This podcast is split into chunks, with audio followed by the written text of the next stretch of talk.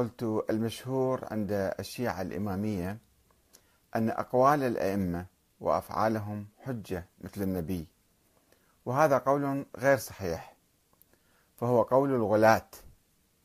وأما قول أهل البيت أنفسهم فإنهم كانوا يقولون أننا رواة لأقوال النبي ليس إلا. وكان الإمام علي عليه السلام يطالب شيعته بنقده والمشورة عليه ولم يكن يعتبر نفسه معصوما. فسألني الأخ عدي الميالي قال الأخ العزيز أحمد الكاتب أسئلتي إليك هي واحد ما هو استدلالك على كون قول الشيعة الإمامية بحجية أقوال الأئمة وأفعالهم كحجية ما لدى النبي غير صحيح؟ اثنين على أي معيار اعتبرتهم غلاة بهذا الصدد. ثلاثة في أي مصدر قال أهل البيت أنهم رواة لأقوال النبي ليس إلا. أربعة في أي مصدر في أي مصدر آه، ذكر أن الإمام علي بن أبي طالب أو طالب شيعته بنقده خصوصا وأن علي أجل من أن يطلب من الغلاة أن ينقدوه ويشاورونه فكيف يثق ببنائية نقدهم ومشورتهم وهم غلاة على حد اعتبارك لهم.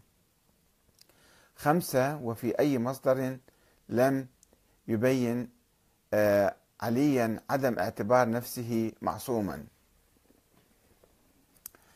في الحقيقة في الأجواء اللي الآن شائعة عند بعض الناس بأن الأئمة لديهم آه، ولاية تكوينية. ويعنون بالولاية التكوينية يعني هم يرزقون ويحيون ويميتون ويحاسبون الناس يوم القيامة وأنهم كأنهم سكرتارية الله ومساعدين إلى الله تعالى سبحانه وتعالى.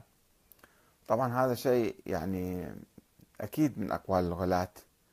ولكن الآن نحن لا نتحدث عن هذا الموضوع وقد تحدثنا عنه سابقا. نتحدث عن الولاية التشريعية. هل الأئمة مثل النبي لهم ولاية تشريعية يعني هم يصدرون أحكام ويفتون مثل ما يردون يعني امتداد للنبي يشكلون امتداد للنبي ونوع من النبوة. هذا القول أيضا أنا أعتبره من الغلاة من أقوال الغلاة وهو ليس من أقوال أهل البيت. والمشكلة أنه آه، الثقافة اللي وصلت لنا عبر كتاب الكافي وبصائر الدرجات وبحر الأنوار وهاي الكتب. هي آه، جمعت الغث والسمين مما كان يدور في أوساط الشيعة في القرن الثاني والقرن الثالث الهجري.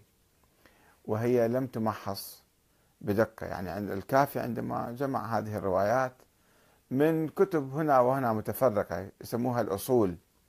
أصول يعني آه، كتب كراريس كانت 400 أصل 400 كراس. فجمعوا هذه الروايات وهو لم يمحص اعتبرها كلها صحيحة يعني. ولكن علماء الشيعة يعني عبر ألف سنة من ذاك التاريخ إلى اليوم قاموا بنقد كثير من هذه الروايات وتمحيصها وردها. والعلامة المجلسي من قبل 300 سنة كان آه، في الدولة الصفوية.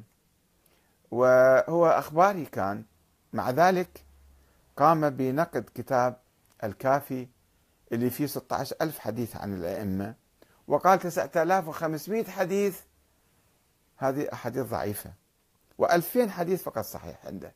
هذا العلامة المجلسي يعني آه، فقط صحح 2000 حديث. ثم جاء علماء آخرون منذ ذلك الحين إلى اليوم وأيضا صاروا ينتقدون وينتقدون وينتقدون ويغربلون هاي الأحاديث بالحقيقة. وربما لا يصفى منها إلا شيء قليل جدا. ولكن الثقافة العامة مبنية على الأحاديث وعلى على الأدعية وعلى الزيارات آه، وهذه كلها زيارات يعني أيضا آه، كان عندهم آه، قاعدة اسمها التسامح في أدلة السنن. زيارات ما يجون يحققون فيها ويدققون. باعتبار ما فيها حلال وحرام. بس في مسائل الحلال والحرام كانوا العلماء يدققون. وبالتالي كانت تسبب مشكلة آه، الناس يأخذون فيها ويقروها وتبني ثقافتهم الشعبية. بينما العلماء ما يعتقدون بصحة هذه الروايات. وأيضا مثلا حديث الكساء مشهور بين الناس يقرأوا وجدتي الله يرحمها كان كل شهر تعمل حفلة بالبيت تجمع النسوان وتجيب خطيب ويجي يقرأ لهم حديث الكساء ويطلع برا. حديث الكساء حتى هذا الشيخ المحقق القمي شيخ عباس القمي اللي جمع آه، مفاتيح الجنان هو أيضا آه، يعني كان ينتقد كتب أحاديث سابقة موجودة. وهذا الحديث ضعفه وما خلاه في كتابه. ولكن إجوا ناس آخرين طبعوا الكتاب ودسوا أول شيء ملحق بعدين حطوه بالنص. وصار كأنه هذا يعني آية قرآنية حديث الكساء. حديث الكساء فيه غلو كبير. الله لم خلق الكون كله من أجل النبي محمد وفاطمة وعلي. هذا الله ما ما قال شيء بالقرآن. لو كان هذا هذا الموضوع حقيقي وصحيح كان الله ذكره في القرآن الكريم.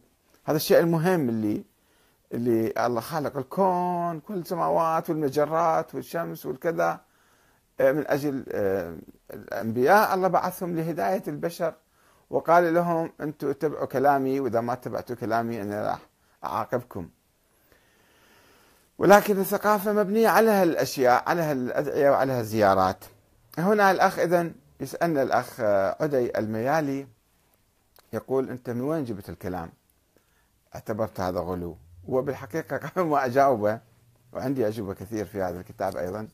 أنا بحثت الموضوع بالتفصيل التشيع السياسي والتشيع الديني. كيف تحول التشيع من حركة سياسية إلى حركة دينية وإلى حركات مغالية. وتحدثت عن فرق الغلاة المختلفة آه، في بداية الفصل الأول. آه، أنا يعني لازم إحنا نفكر بطريقة معينة. الأخ يسألني كيف أنت تقول هذه الأحاديث يعني هذه الأفكار أو الآراء هذه مغالية. أنا أقول لك أنت مو تسألني الي أنت كيف تثبت هذه الأفكار لأهل البيت؟ أول مرة فكر إحنا شنو عندنا؟ عندنا النبي محمد صلى الله عليه وسلم وعندنا القرآن الكريم.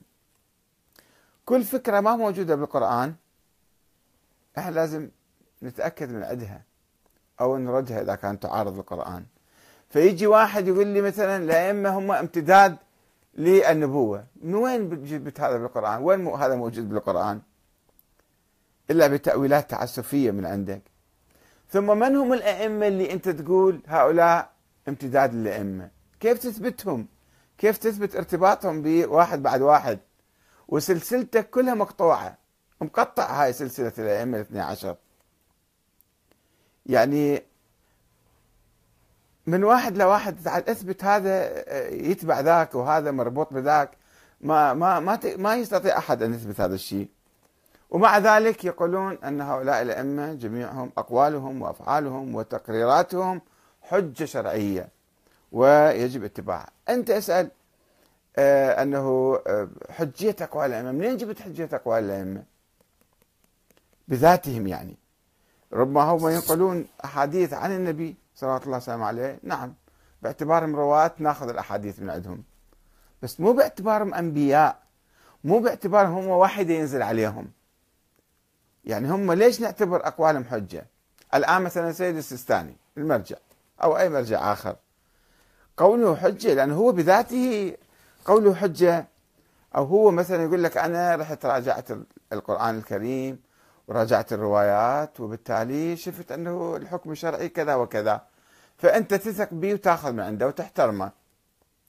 أما ما يجي يقول لك أنا أنا مصدر تشريعي. لما نقول الأئمة مثل النبي يعني صاروا هم مصدر تشريعي. وهذا فشي خطير. فشي يعني كأنه أنبياء جدد. والأئمة كانوا يلعنون هؤلاء الغلاة الذين كانوا يقولون بأن الأئمة أنبياء. فضلا عن ذلك بعض غلاة المجانين كانوا يقولون الأئمة آلهة أيضا أو نصف آلهة. إذا ما ما نتكلم عنهم الآن مو يمنا ولا إحنا يمهم بس ذلك يتكلمون أن أفعال الأئمة وأقوالهم حجة مثل النبي. أنتم شنو مصدركم؟ على شنو بانين مو تسألني إلي. أنت اسأل نفسك يا أخ عدي واسأل العلماء الذين أو الناس المشايخ الذين يقولون بأن أقوال. هذا متعارف عند الناس موروث عند الإمامية. ولكن يجب أن نعيد النظر في هذه الأمور. ما يمكن نأخذها على كمسلمات وكأشياء ثابتة وبديهية وضرورية من ضروريات الدين. لا يجب أن نعيد النظر نتعرف على مذهب أهل البيت الحقيقي.